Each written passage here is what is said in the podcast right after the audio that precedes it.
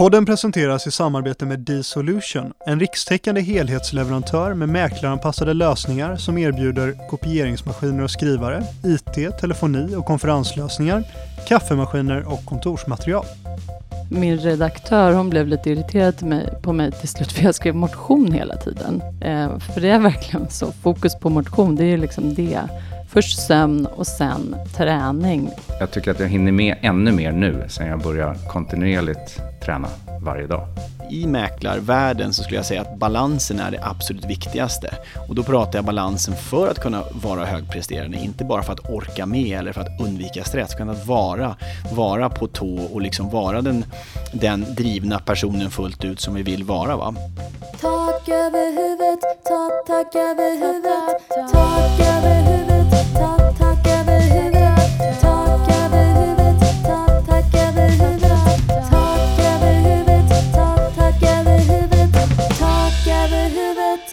Du lyssnar på Tak över huvudet, en podd om bostäder, bostadsaffärer och livet som fastighetsmäklare. Dagens avsnitt handlar om stress, press och hur det kan hanteras.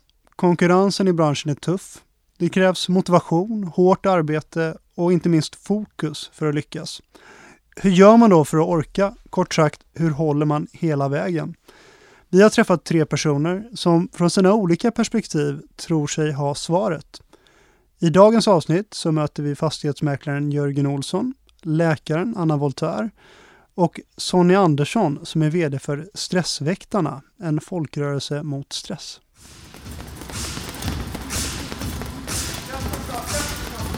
Jag har tagit mig bort till Stockholms stadion som också rymmer kampsportstadion där både proffs och amatörer tränar kampsport och fys.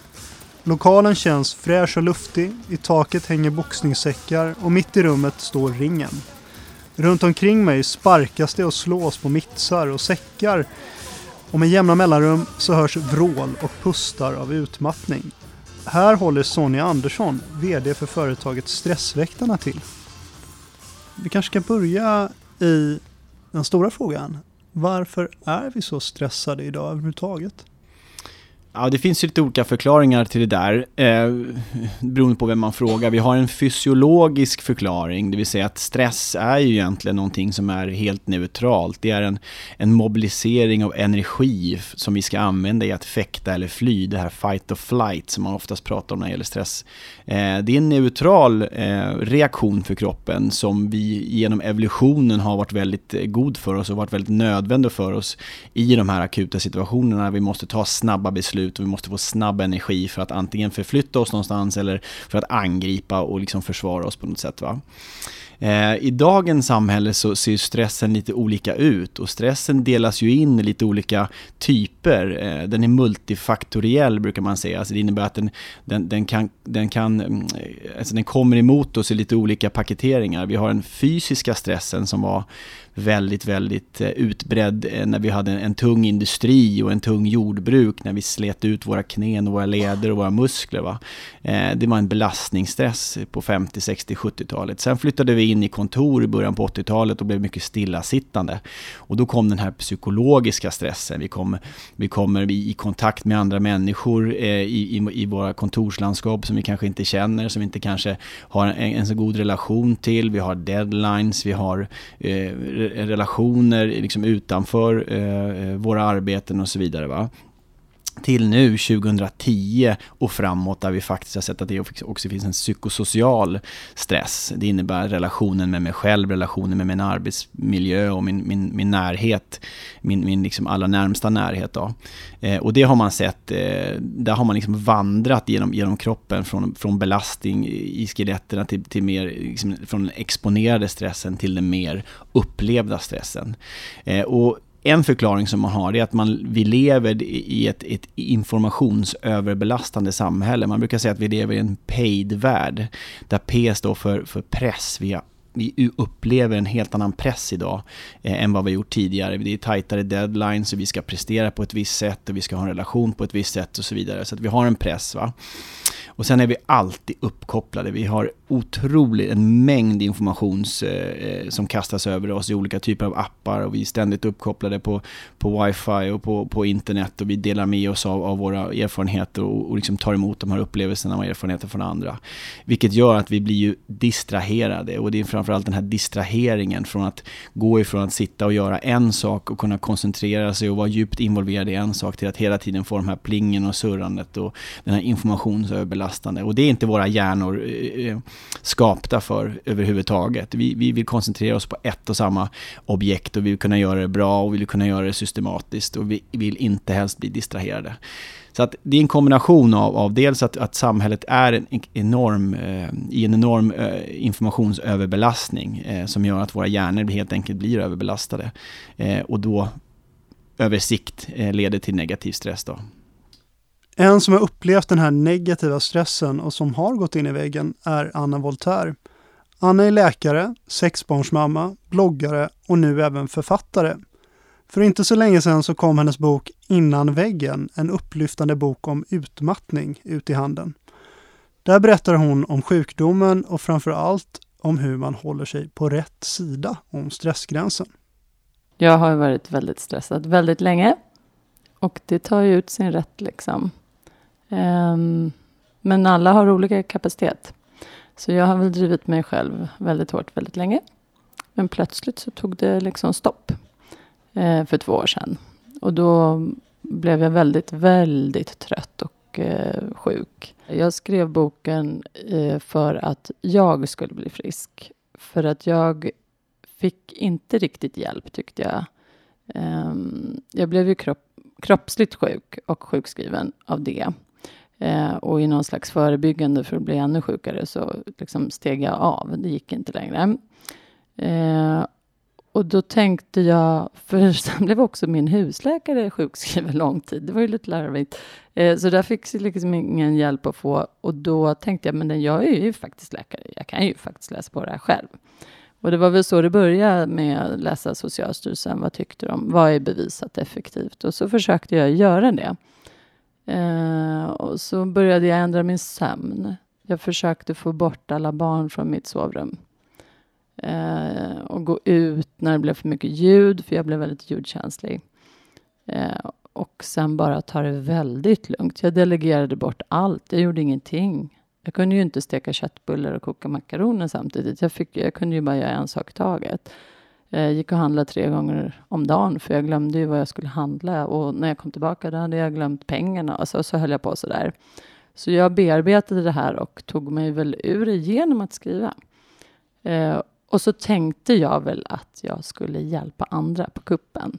För mycket ord som står om det här är ju fullständigt obegripliga för folk som inte är läkare eller sjukvårdspersonal. Så att, eh, jag gjorde om det från krumeluriska till svenska.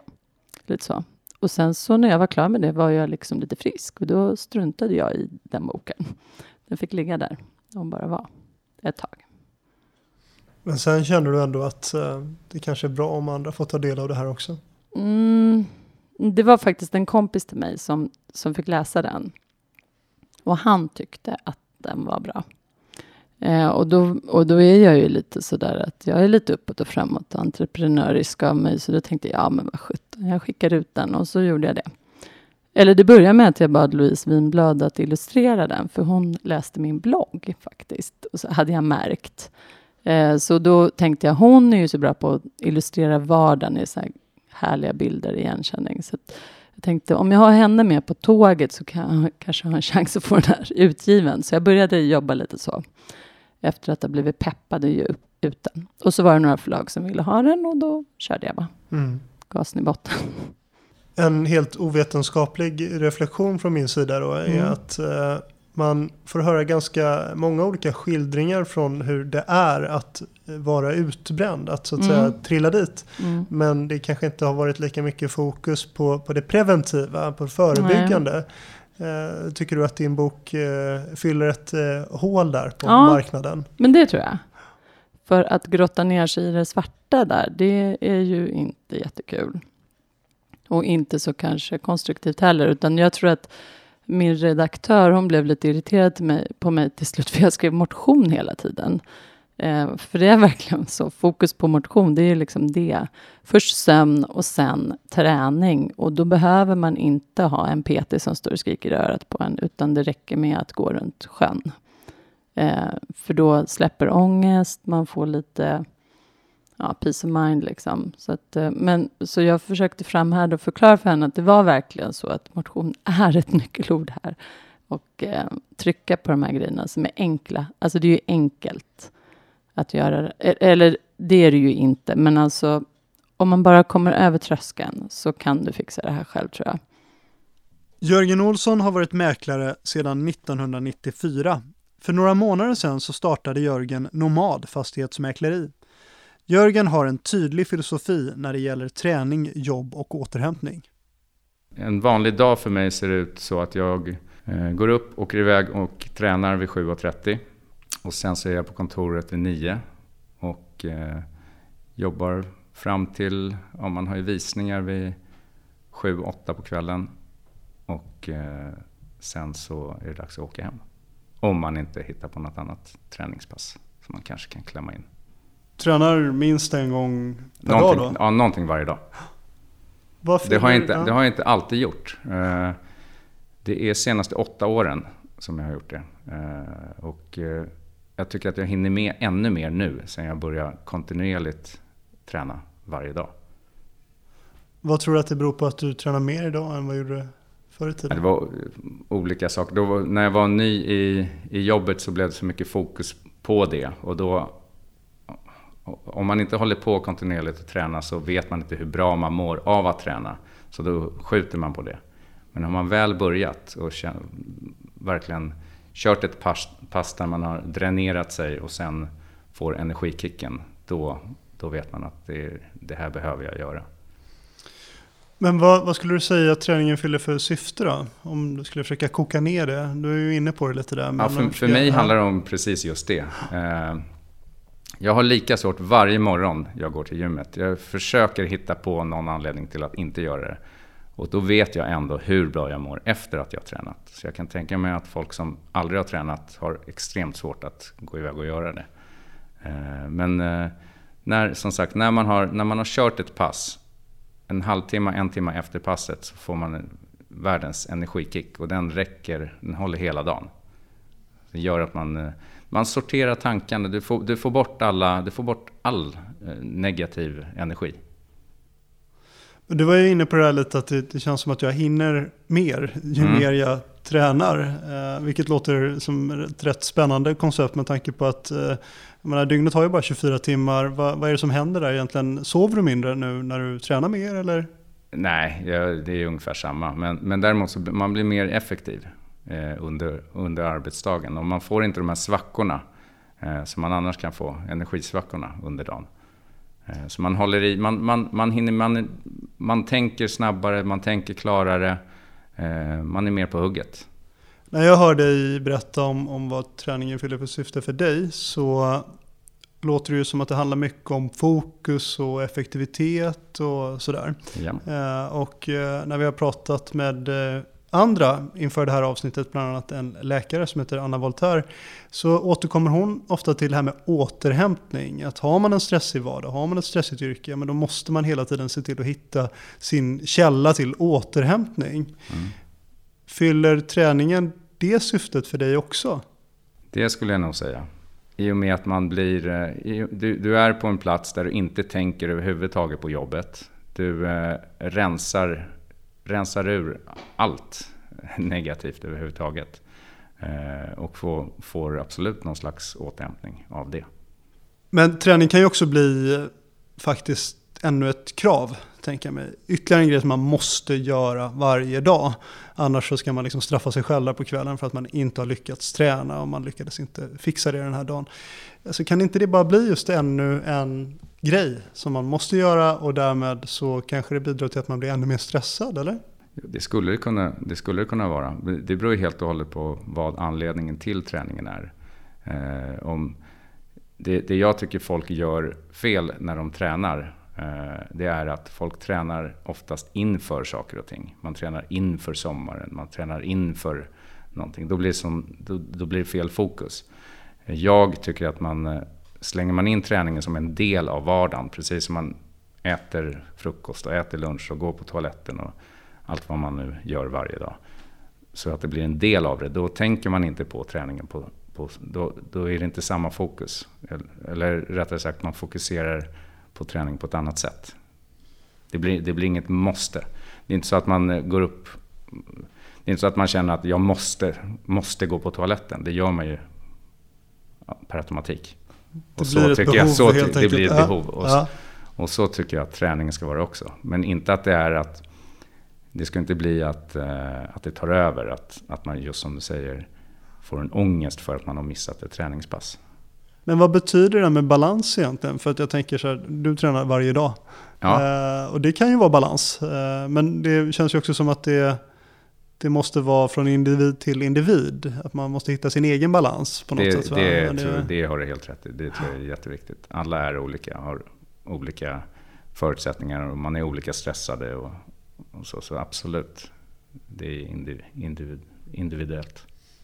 Men jag tänker, eh, du är företagare Japp. eh, och eh, nu ser eh, anställningsförhållandena ut lite på olika sätt i, i branschen. Men du har i alla fall kollegor Mm. på din firma.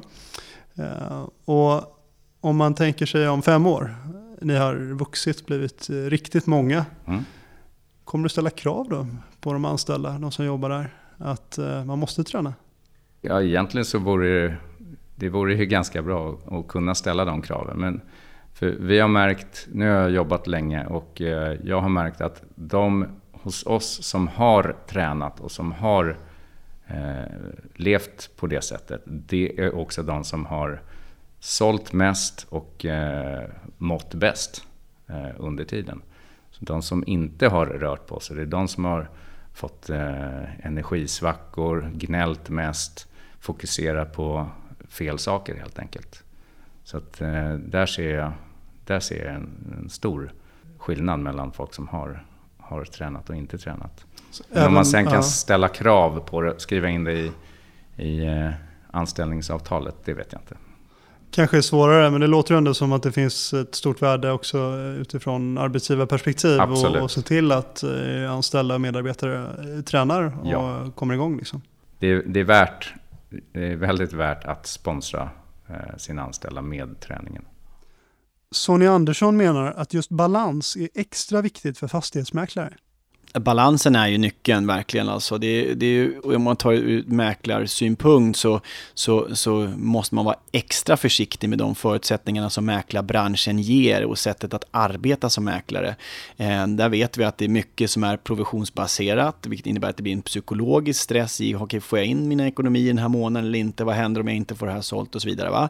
Eh, och sen har, finns det en, en väldig kultur i, det är en väldigt drivande kraft inom mäklarbranschen där man, där man, där man man mäts efter hur mycket, hur mycket man presterar. Det gäller inte bara att vara världens trevligaste mäklare, du måste ju också sälja. Va? Och det blir ju en stress i det. Så att, och i, i mäklarvärlden så skulle jag säga att balansen är det absolut viktigaste. Och då pratar jag balansen för att kunna vara högpresterande, inte bara för att orka med eller för att undvika stress, utan att vara, vara på tå och liksom vara den, den drivna personen fullt ut som vi vill vara. Va? Och då är fysisk aktivitet är ju en sån sak som är eh, verkligen viktig. Eh, dels i skyddet mot stress men också för att, för att aktivt kunna orka eh, att vara på tå. Eh, sen har vi det här, de här vanliga grundläggande att vi måste äta, vi måste tänka på vad vi äter, äter, äter re- regelbundet och sunt. Va? Att, vi ha, att vi verkligen tar vårt, vårt break och att vi verkligen får sömnen på plats. Att vi verkligen prioriterar de här sakerna. Och balansen hamnar i att prioritera rätt, inte att plocka bort någonting nödvändigtvis, men att prioritera. Att är det den här aktiviteten jag vill, vill, vill engagera mig i, är det den här, i den här kulturen jag vill, vill, vill finnas och frodas och må bra, då måste jag också balansera det med, med, med mänskliga liksom, faktorer som sömn, kost och fysisk aktivitet. Det är egentligen det enda som, som, som går och som är vettigt att liksom försöka balansera med. Vi har pratat ganska mycket om det här med fastighetsmäklare och eh, att eh, det är ett tufft yrke med höga krav och sådär. Och eh, det låter ju rimligen som att fastighetsmäklare är en målgrupp för stressväktarna då funderar jag bara avslutningsvis på om du har några riktigt bra konkreta tips till alla fastighetsmäklare där ute som jobbar stenhårt och kanske känner att de vill fortsätta jobba stenhårt i tio år till. Eller känner att ja, men nu är jag liksom på väg att trilla över kanten här och faktiskt gå mot utbrändhet för jag orkar inte riktigt det här längre. Vad ska man göra? Först vill jag bara säga att man, man ska ju verkligen sikta på eh, att kunna prestera. För det är roligt att kunna prestera och mäklarbranschen är en häftig bransch. Man kan göra karriär, man kan göra väldigt många eh, folk glada och man kan liksom ha en, en hög svansföring. Det är ett stolt yrke att vara mäklare skulle jag säga. Så det ska vi inte ta bort, det är liksom en, en, den fina delen av att vara mäklare. Men man måste, som sammanfattningsvis, måste man verkligen tänka på den här balansen. Man får inte tumma en sekund på att inte få sin återhämtning till exempel. Va? Eh, att vara fysiskt aktiv, det är ju liksom ett, ett, ett, stort, eh, ett stort steg i att, att få balans. Sen är det ju, måste man titta på den här eh, eh, informationsöverbelastningen. Hur sköter jag min, min telefon? Hur sköter jag min mail? När är jag eh, anträffbar? Och att man liksom verkligen tar den återhämtningen. Jag stänger av telefonen vid, vid den här tidpunkten. När jag sover eller när jag vilar eller när jag tränar eller när jag, vad än jag gör för min återhämtning, då, då är det det jag liksom gör. Va? Då gör jag ingenting annat. Man verkligen, man verkligen strikt håller en disciplin på återhämtningen. Eh, och med det så kommer man klara sig ganska, väldigt långt skulle jag säga. Och, och, inte bara att man undviker stress, man kan också få den här energin att prestera. Så jag skulle säga gå tillbaka till det som är det väsentliga och, och, och, och verkligen titta på den här vågskålen. Om det är så att jag jobbar ehm, eh, överskridande timmar, jag har ingen, inga kontorstider där jag kan stänga av klockan, klockan 17, okej, okay, men hur, hur strukturerar jag mitt, mitt, mitt jobb då? Vad gör jag eh, direkt när jag går upp? Vilka val tar jag? Eh, kosten, sömnen, fysisk aktivitet, det är ju liksom nycklarna för det här. Men vi måste göra på ett strukturerat sätt så att det blir till en god vana. Eh, så att om man ska summera eller sammanfatta någon form av, av eh, tips så är det att strukturera vardagen utefter de förutsättningarna som finns. Eh, sätt målen högt, det är ju liksom inget fel i det, va? men se till också att förutsättningarna för att, för att nå de här målen finns på plats. Och då är strukturen kring arbetet kanske det viktigaste. Strukturera så att det blir en, att du har fysisk aktivitet, att du får möjlighet att äta bra, du får möjlighet att sova och återhämta dig. Får du in det i vardagen, då finns det ju liksom ingenting som stoppar dig. Va? Då, då kommer du hålla en, en hög energi och du kommer liksom älska din vardag kring, kring de här frågorna och i det här beteendet. Podden produceras av Mäklarsamfundet och tidningen Mäklarvärlden. Producent är Caroline Berg. Podden klipps av produktionsbolaget Diggin Larry och jag, jag heter Joakim Lusensky.